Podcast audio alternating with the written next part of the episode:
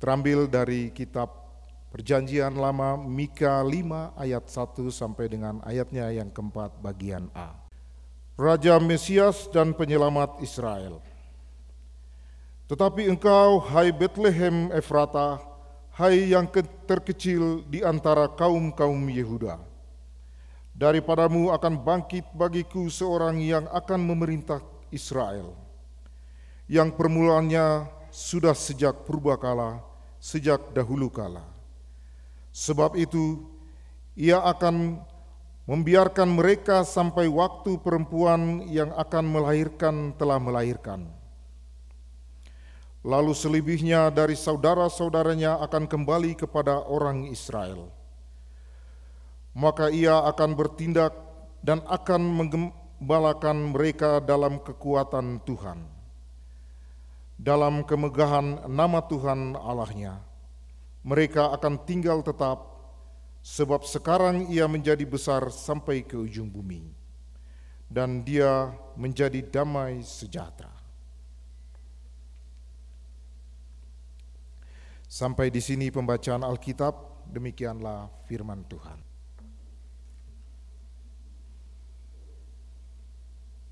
Shalom. Salam sejahtera Kristus bagi jemaat Tuhan sekalian.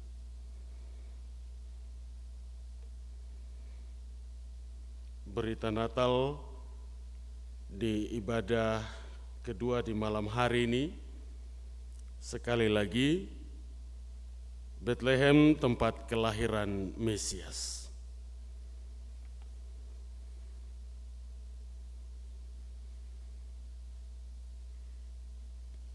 Dengan bagian bacaan dari Mika pasal 5 ayat 1 sampai dengan 4 bagian A.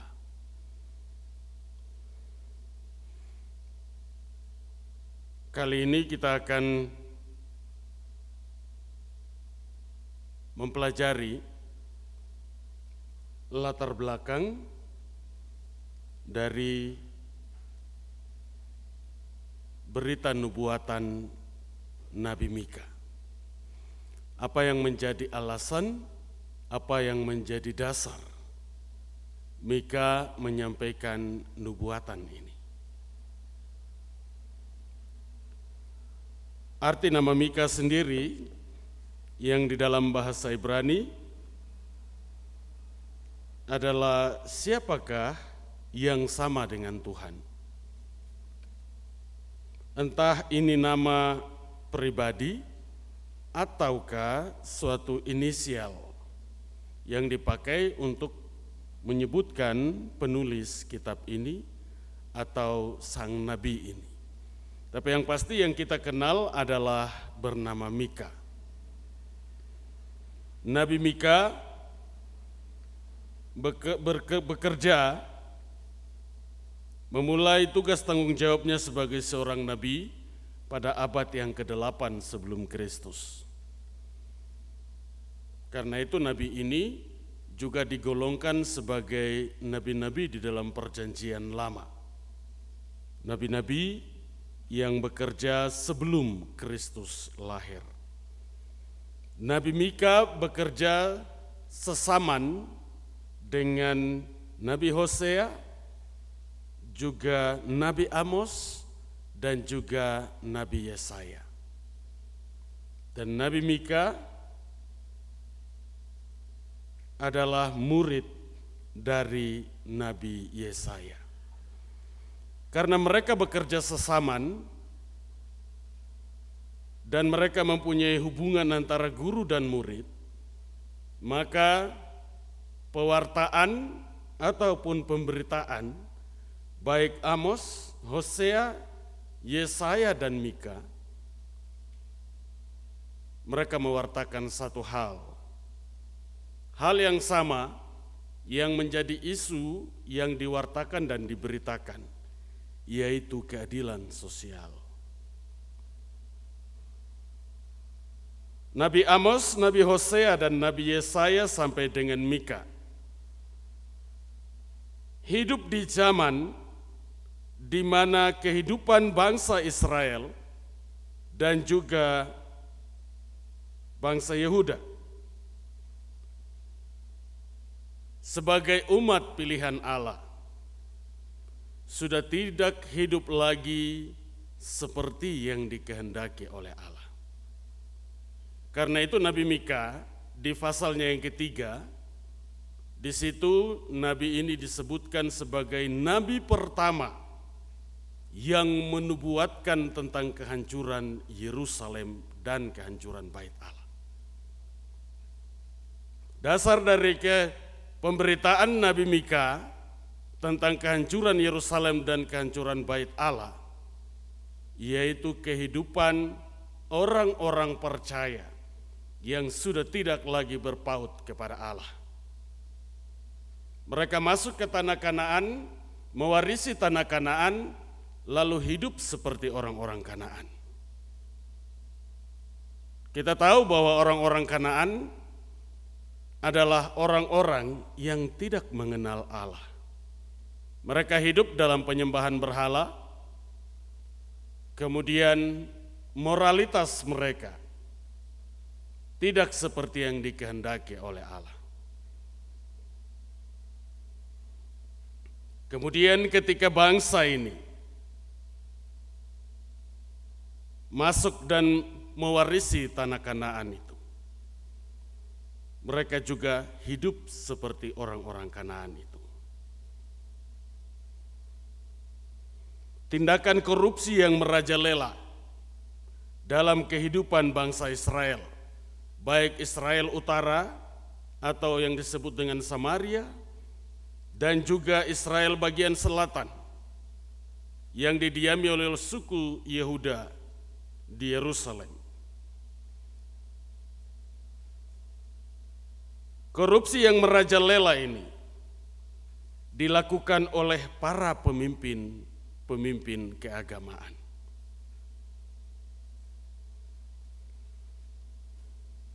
Ada juga tuan-tuan tanah yang menindas orang-orang miskin. Penyelewengan hukum atau juga yang disebutkan para hakim memutuskan hukum karena suap. Bukan karena nilai-nilai kemanusiaan. Tetapi karena suapnya mereka menjalankan hukum dan mengambil keputusan-keputusan hukum. Sama dengan kehidupan kita di zaman ini. Ada uang, Anda bisa membayar hukum. Ada uang, Anda bisa membeli hakim, ada uang, Anda bisa membayar jaksa. Kesalahan sebesar apa pun, kalau ada uang, dibersihkan seluruhnya. Keadaan seperti itu yang sedang terjadi dalam konteks kehidupan bangsa Israel ini. Para imam sendiri memberi pengajaran bukan lagi sebagai suatu kewajiban untuk mendidik generasi untuk memperkenalkan Tuhan dan hukumnya kepada generasi-generasi muda. Tetapi para imam memberi pengajaran karena bayaran. Siapa yang bayarannya bagus, anak-anaknya yang dididik dengan baik. Itu yang terjadi pada waktu itu. Belum lagi ritual dan peribadahan mereka kepada Allah di bait Allah tidak dilakukan dengan sungguh-sungguh. Ibadah hanya sebatas seremonial belaka. Mereka datang ke bait Allah bukan lagi untuk menyembah Tuhan, tetapi karena identitasnya sebagai bangsa Yahudi, identitasnya sebagai orang-orang Israel. Karena itu mereka datang ke bait Allah untuk menyembah Allah. Tetapi di luar dari bait Allah, mereka hidup di dalam penyembahan-penyembahan berhala yang sama dengan penyembahan-penyembahan orang-orang Kanaan. Nabi Amos, Hosea, Yesaya dan Mika hidup dan bekerja dalam konteks seperti itu. Karena itu mereka mewartakan, mereka memberitakan tentang keadilan sosial. Keadilan yang harus terjadi di tengah-tengah umat dan di tengah-tengah kehidupan bermasyarakat. Pewartaan Nabi Mika merupakan keluhan terhadap para penguasa dan para pemimpin yang menindas dan mengabaikan orang-orang miskin dan orang-orang yang terpinggirkan dalam kelompok sosial masyarakat. Sudah terpinggirkan, sudah miskin, terpinggirkan, ditindas lagi. Nabi Mika juga menegur dan memperingatkan orang-orang yang merampas hak dan harta milik orang lain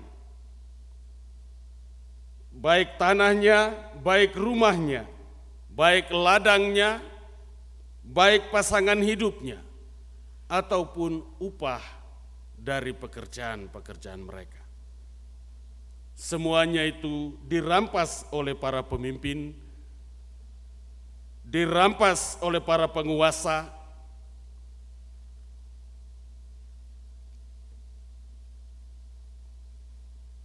Dan Nabi Mika juga menegur dan memperingatkan bahwa Tuhan telah merancangkan hukuman yang dahsyat bagi mereka.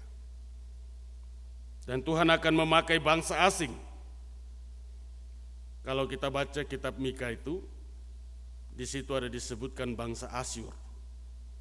Bangsa Asyur pada zamannya adalah bangsa yang besar, bangsa yang gagah dan perkasa di dalam peperangan sehingga ia bisa menaklukkan sebagian besar tanah Kanaan dan wilayah-wilayah Palestina. Dan Asyur sangat ditakuti pada waktu itu. Dan ternyata setelah membaca kitab-kitab di dalam perjanjian lama, di situ ditemukan bahwa bangsa Asyur menyerang bangsa-bangsa lain termasuk bangsa Ibrani ini Israel Utara dan Israel Selatan atas kehendak Tuhan, atas kehendak Allah, bukan karena keinginan mereka untuk merebut wilayah-wilayah bangsa lain, tetapi atas kehendak Allah. Tuhan akan memakai bangsa asing untuk menghukum Israel dan Yehuda atas dosa-dosa mereka. Pewartaan Nabi Mika ini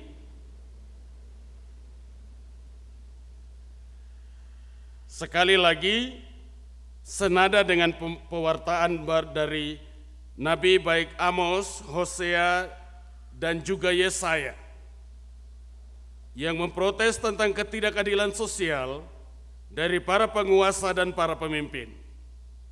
Tetapi Mika memiliki spesifikasi khusus dalam pemberitaannya. Nabi Mika sangat menekankan tentang keadilan, kebenaran, dan juga moralitas dari bangsa Israel ataupun bangsa Yahudi Yehuda ini. Karena menurut Mika, keadilan, kebenaran, dan moralitas adalah sifat-sifat dari Allah itu sendiri. Di mana sebagai umat Tuhan atau bangsa pilihan Allah, sudah sepatutnya lah mereka hidup dan melakukan keadilan, melakukan kebenaran, dan juga memiliki moral hidup yang baik. Sebab umat pilihan, maka Israel dan Yehuda seharusnya beribadah hanya kepada Tuhan dan tidak mudah dipengaruhi oleh cara hidup dan juga cara beribadah orang-orang Kanaan yang suka menyembah berhala. Jemaat Tuhan,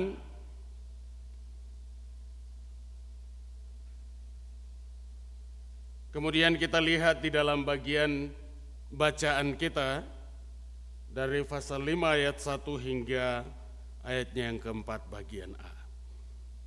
pada bagian yang pertama di ayat 1, hari di mana bangkitnya seseorang yang akan memerintah Israel, yaitu Raja Damai, Raja semesta alam. Diperkenalkan oleh Mika dalam pemberitaannya. Raja Damai, Raja semesta alam ini, ia sudah ada sejak semula sejak langit dan bumi diciptakan. Ia akan datang di Bethlehem Efrata yang adalah tempatnya asal dari kaum keturunan Yehuda itu sendiri. Nubuat Nabi Mika menjelaskan juga pada kita saat ini bahwa Bethlehem kota kecil itu sesungguhnya telah ada dalam rancangan Tuhan. Hal itu ditandai dengan beberapa peristiwa besar dari tokoh-tokoh dengan latar belakang nenek moyang bangsa Yehuda. Di sana di antaranya ada Rahel, istri Yakub. Rahel istri Yakub setelah melahirkan Benyamin. Ia mati dan dikuburkan di kota Bethlehem. Kita bisa baca di kejadian pasal 35 ayatnya yang ke-19. Kemudian Naomi dan Ruth kembali dari tanah Moab pulang ke Bethlehem dan tinggal di situ. Kemudian Ruth bertemu dengan Boas yang menjadi cikal bakal keturunan dari Raja Daud sampai dengan Yesus. Kita bisa baca di Rut pasal 1 ayat 19 sampai dengan 22. Kemudian ada juga Raja Daud. Raja Daud ini lahir dan dibesarkan di Bethlehem. Kemudian oleh Nabi Samuel ditabiskan menjadi raja menggantikan Saul. 1 Samuel pasal 16 ayat 1 sampai dengan yang ke-13. Dan Kristus Yesus juga lahir di Bethlehem itu. Bagian ini secara keseluruhan mau mengingatkan kepada kita bahwa Allah yang Maha Kuasa itu ketika ia mampu menggunakan bangsa asing untuk memberikan peringatan dan teguran kepada umat pilihan. Allah juga mampu mengadakan perubahan dari hal yang tidak mungkin, hal yang tidak dapat diprediksi menjadi hal yang mungkin. Kemudian di ayat yang kedua, Raja Damai, Raja semesta alam. Ia yang sudah ada sejak purbakala, sejak langit dan bumi ini diciptakan. Ia akan datang melalui proses kelahiran dan dari kandungan seorang perempuan. Atau Yesaya bilang menjadi sama dengan manusia. Kemudian di ayat 3 sampai 4 bagian A ia akan bertindak sebagai Tuhan yang berkuasa bagi Israel dan Yehuda. Dan tindakan yang akan diambilnya itu ada tiga poin yang tercatat di situ. Tindakan yang akan diambil oleh Tuhan. Yang pertama adalah menggembalakan mereka ke jalan kebenaran. Menggembalakan mereka, baik Israel maupun Yehuda, kepada jalan kebenaran jalan keadilan, dan juga moralitas yang benar, seperti sifat dari Tuhan dan Allah mereka, menjadi sama dengan Tuhan. Kemudian, tindakan yang kedua, yaitu ia akan memberikan damai sejahtera yang sejati, yakni hidup yang berkecukupan, hidup yang aman dan damai atau tidak ada lagi peperangan, tidak akan ada lagi peristiwa pembuangan, tidak akan ada lagi penghancuran demi penghancuran di Yerusalem. Dan tindakan yang ketiga, ia akan menghancurkan musuh-musuh mereka, sehingga tidak ada satupun bangsa asing yang berani melawan ataupun mengancam untuk membinasakan bangsa ini. Itu tindakan yang akan diambil oleh Tuhan dalam menyatakan kasih dan kuasanya. Jemaat Tuhan sekalian, nubuat Nabi Mika ini berdasarkan dari latar belakang kehidupan moralitas, tindakan kebenaran, dan juga keadilan yang tidak ditemukan dari bangsa Israel dan Yehuda. Maka Mika menyampaikan nubuat pengharapannya. Nubuat pengharapan Nabi Mika tentang kedatangan Mesias Raja Damai dan penyelamat Israel dan Yehuda dari tindakan dan cara hidup yang tidak berkeadilan sosial. Telah tergenapi dua ribuan tahun yang silam. Dalam kekuatan Tuhan dan dalam kemegahan nama Tuhan Allah. Mesias Raja Damai dan Sang Penyelamat itu datang dan lahir melalui rahim seorang perempuan. Menjadi manusia dan hidup seperti seorang manusia di antara para manusia itu. Di kota kecil kota tempat asal kaum keturunan Yehuda, yakni Bethlehem Efrata. Dan dari sana ia berkarya mendamaikan manusia dengan Allah, manusia yang terhilang dari hadapan Allah karena dosa dan pemberontakannya di Taman Firdaus. Didamaikan oleh Yesus Kristus melalui peristiwa kelahirannya dan juga mendamaikan manusia dengan sesamanya. Sehingga di antara para manusia tidak ada lagi yang namanya ketidakadilan. Tidak ada lagi yang namanya ketidakbenaran. Tidak ada lagi yang namanya moral yang rusak. Yesus Kristus datang dan telah mendamaikan. Ia melindungi dan memberkati, serta menyelamatkan manusia dari kebinasaan kekal itu, yang peristiwa puncaknya adalah melalui jalan kematiannya sendiri. Saudara-saudara sekalian, jikalau di sepanjang tahun 2022 ini kita sebagai orang-orang percaya, kita juga hidup, kita juga menyaksikan, kita juga mengalami, dan mungkin saja kita juga berbuat ketidakadilan bagi sesama kita. Maka ingatlah ini. Yesus Kristus melalui kedatangan dan karyanya. Menegur dan mengingatkan kita untuk merubah cara hidup dan cara berpikir kita. Dan menjalani hidup sesuai dengan sifat-sifat Sang Ilahi itu. Karena itu Persekutuan Gereja-Gereja Indonesia dan Konferensi Wali Gereja Indonesia memberikan tema Natal di tahun ini kepada kita dari Injil menurut Matius pasal 2 ayatnya yang ke-12.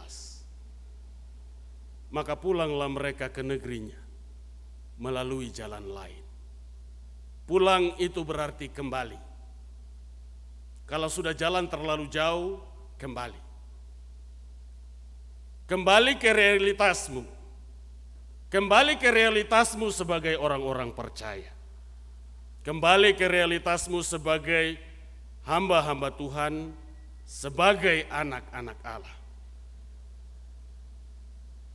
dan lalui jalan yang lain. Artinya jangan lagi Anda hidup seperti di tahun 2022 yang menyaksikan mengalami ataupun Anda juga turut berbuat ketidakadilan bagi sesama. Roba cara berpikirmu, roba cara bertindakmu. Sesuai dengan sifat-sifat Allah itu sendiri.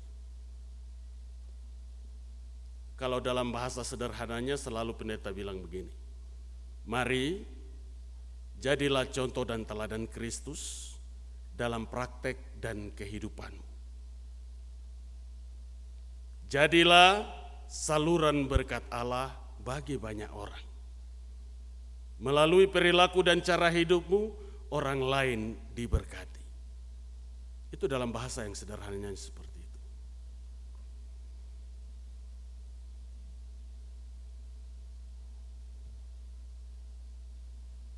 Yesus Kristus melalui kelahiran dan karyanya menegur dan mengingatkan kita untuk merubah cara hidup dan cara berpikir kita dan menjalani hidup sesuai dengan sifat-sifat Sang Ilahi. Sifat-sifat Sang Ilahi seperti yang diberitakan oleh Nabi Mika. Yang pertama adalah keadilan. Keadilan yaitu bertindak adil dan setara kepada sesama manusia. Tidak ada lagi pihak yang dikorbankan. Semua memperoleh hal yang sama, memperoleh hak yang sama, menikmati hal yang sama. Kemudian yang berikut adalah kebenaran. Kebenaran yaitu keyakinan yang sungguh-sungguh yang dipikirkan dan dinyatakan atau ditunjukkan melalui praktek kehidupan. Iman percayamu kepada Yesus Kristus itu harus dipertanggungjawabkan. Iman percayamu secara kekristenan harus dinyatakan dalam praktek kehidupanmu. Kekristenanmu, iman percayamu bukan lagi menjadi simbol ataupun lambang saja. Tetapi harus diwujud nyatakan dalam kehidupanmu supaya semua orang melihat dan menjadi percaya. Yang ketiga, moral yang baik. Moral yang baik yaitu praktek dan cara hidup yang benar seperti yang dikehendaki oleh Allah. Semua kita telah dipanggil masuk untuk mewarisi rancangan keselamatan Allah. Maka status kita adalah anak-anak Allah. Sebagai anak-anak Allah, Allah sendiri menghendaki supaya kita hidup dengan benar hidup saling mengasihi, saling menjadi berkat satu dengan yang lain, dengan memberikan contoh dan teladan yang baik di antara kita. Cara hidup untuk kepentingan diri sendiri, cara hidup untuk kepentingan kelompok dan lain-lain, bukan cara hidup yang seperti itu yang dikehendaki oleh Allah. Jikalau kita sudah menjalani hidup sesuai dengan sifat-sifat Sang Ilahi itu. Sifat-sifat Sang Ilahi yaitu Yesus Kristus itu sendiri. Maka Mesias akan lahir di dalam hatimu. Dan ia sendiri yang akan merajai kehidupan. Sehingga damai sejahtera menjadi warisan kehidupanmu, keluarga dan rumah tanggamu, dan juga pekerjaan serta pelayanan-pelayanan. Demikian berita nubuatan Nabi Mika bagi kita di masa raya Natal di tahun 2022. Tuhan yang mempunyai firman ini memberkati dan menyempurnakan firman dan memberkati kita sekalian sehingga kita mampu untuk menjalani hidup dalam keadilan, dalam kebenaran dan juga dengan moral yang baik sehingga nama Tuhan dipuji dan dipermuliakan. Amin.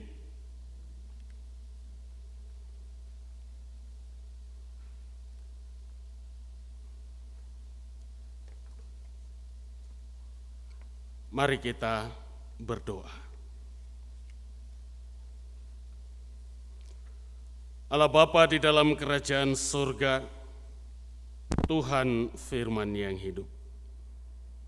Bersama-sama dengan seluruh umatmu di dalam pertemuan dan perayaan Natal di minggu ini yang kedua di malam hari ini. Kami datang sebagai suatu persekutuan. Kami memuji dan memuliakan namamu, ya Allah, ya Tuhan kami. Karena Bapa sendiri berkenan datang ke dalam realitas kami manusia, di dalam kehidupan kami di dunia ini. Kemudian mendamaikan kami dengan Allah Bapa di dalam kerajaan sorga. Dari keterpisahan, dari keterhilangan kami, karena dosa dan pemberontakan-pemberontakan kami. Kemudian Tuhan sendiri mendamaikan kami dalam hubungan dan relasi kami di antara sesama manusia. Sehingga di antara kami tidak ada lagi yang hidup di dalam ketidakadilan dan ketidakbenaran tidak ada lagi yang hidup di dalam moral yang mempermalukan Tuhan dan Allah kami. Berita firman yang disampaikan sebagai suatu nubuatan oleh nabi-nabimu di waktu yang lampau. Di hari ini kami baca dan kami merenungkan kembali. Ya Bapa di surga, meteraikanlah dan sempurnakanlah isi firman ini yang telah kami baca dan kami dengar di dalam hati dan pikiran kami masing-masing. Kemudian rohmu yang kudus mengintrospeksi diri kami setiap orang percaya ini. Ketika di sepanjang tahun ini kami mendengar, kami melihat, kami mengalami, ataupun mungkin kami menjadi pelaku dari ketidakadilan dari ketidakbenaran ataupun moral hidup yang simpang siur. Tuhan mengasihani kami. Tuhan melayakan kami untuk berpikir dengan cara yang baru, kemudian menjalani kehidupan yang baru sesuai dengan kehendakmu, ya Bapa di dalam kerajaan surga. Inilah berita firman. Kiranya Tuhan memberkati pemberitaan ini dan juga memberkati semua umatmu. Agar ibadah dan sembah kami di hari ini sebagai tanda syukur dan sukacita kami boleh menjadi hormat dan kemuliaan hanya bagimu, ya Allah Bapa di dalam kerajaan surga. Bapa di surga, Demikian juga sebagai tanda syukur dan sukacita kami. Kami telah membawa dan memberikan persembahan-persembahan kami.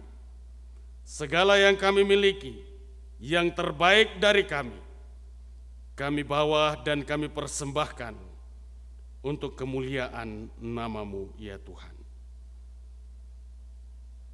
Hamba berdoa bagi pribadi ataupun keluarga yang menyampaikan ungkapan-ungkapan syukurnya atas peristiwa-peristiwa kehidupan yang dialaminya ataupun ungkapan syukur atas pemeliharaan Tuhan di sepanjang tahun ini. Dua pribadi atau keluarga yang tidak menyebutkan namanya, tetapi mereka menyatakan syukur dan sukacita mereka. Tuhan mengenal pribadi-pribadi ini. Berkenanlah Tuhan menyempurnakan sukacita dan ungkapan syukur mereka. Dan Tuhan memberkati hari hidup, pekerjaan dan pelayanan-pelayanan mereka. Demikian juga kami telah memberi di dalam kotak-kotak yang disediakan oleh majelis jemaat. Bapa di surga memberkati pemberian-pemberian umatmu, sehingga pemberian umatmu ini terus menopang penata layanan gereja Tuhan di atas tanah ini sampai ke ujung dunia. Semua umatmu ditata dan dilayani, dan semua umatmu diberkati. Umatmu yang memberi dengan sukacita ini, hamba berdoa dan menyerahkan mereka ke dalam tangan kasih-Mu, ya Tuhan. Tilik dan lawat mereka, seluruh aktivitas kehidupan mereka, keluar masuk mereka, Tuhan jaga dan pelihara, Tuhan sertai dan lindungi. Jauhkan daripada mereka kemalangan, penderitaan, sakit penyakit, bencana alam, bahkan maut sekalipun. Tuhan jauhkan itu dari sisi kehidupan kami sekalian. Dan biarlah damai dan sejahtera yang masuk dan menguasai hati dan merajai kehidupan kami. Sehingga kami boleh menjalani hari-hari hidup yang Tuhan karuniakan bagi kami dengan penuh sukacita. Bapa di sorga, selain pemberian-pemberian dalam bentuk benda atau uang ini, kami juga mempersembahkan diri dan kehidupan kami untuk saling melayani, saling mendoakan dan saling memberkati di antara kami. Ya Bapa di surga, baik kami yang mempersembahkan diri sebagai majelis jemaat di dalam tugas, fungsi dan tanggung jawab, baik sebagai penatua dan syemas. Juga ada di antara kami yang mempersembahkan diri dalam tim-tim pelayanan di dalam jemaat ini tim musik dan singers, multimedia, radio suara kasih, baik secara struktur dan fungsinya, dan semua orang yang terlibat di dalamnya. Tuhan tilik dan lawat Tuhan sertai dan memberkati kehidupan serta pelayanan-pelayanan mereka. Kemudian persiapkanlah kami ya Tuhan untuk memasuki dan menyongsong hari hidup di minggu kerja kami yang baru. Tuhan tilik dan lawat kami, Tuhan jaga dan pelihara kami, sehingga kami boleh menjalani kehidupan di dalam rancangan damai serta sejahtera. Kami berdoa bagi setiap saudara-saudara yang tidak sempat mengambil bagian dalam kunjungan lawatan ibadah di malam hari ini. Mungkin mereka sedang bekerja di malam hari ini. Kami berdoa ya Tuhan, sertai dan lindungi, sehingga mereka boleh bekerja dengan baik dan selamat. Ada juga di antara kami yang sedang menjalani masa cutinya. Tuhan sertai dan lindungi di masa cuti yang mereka jalani, sehingga mereka boleh melalui masa ini juga dengan baik dan selamat. Yang mengalami kemalangan dan penderitaan, kedukaan, dan juga berbagai-bagai tantangan dalam kehidupan mereka yang menghambat mereka untuk datang ke dalam persekutuan bersama ini. Tuhan kunjung dan lawat mereka hibur dan kuatkan, sertai dan berkatilah mereka juga. Bapa di sorga, kami siap untuk memasuki hari hidup dan minggu kerja yang baru untuk seterusnya menyongsong tahun yang baru, tahun 2023 yang akan Tuhan karuniakan bagi kami. Pegang tangan kami ya Tuhan, gendong kami bersama bahwa kami berjalan seiring denganmu. Sehingga kehidupan kami boleh terarah untuk memuliakan namamu, ya Bapa di dalam kerajaan surga. Demi Kristus yang hidup, Tuhan dan Kepala Gereja kami, kami berdoa, bersyafaat dan bersyukur kepada Allah Bapa yang bertakhta di dalam kerajaan surga. Allah yang esa, kekal sampai selama-lamanya. Amin.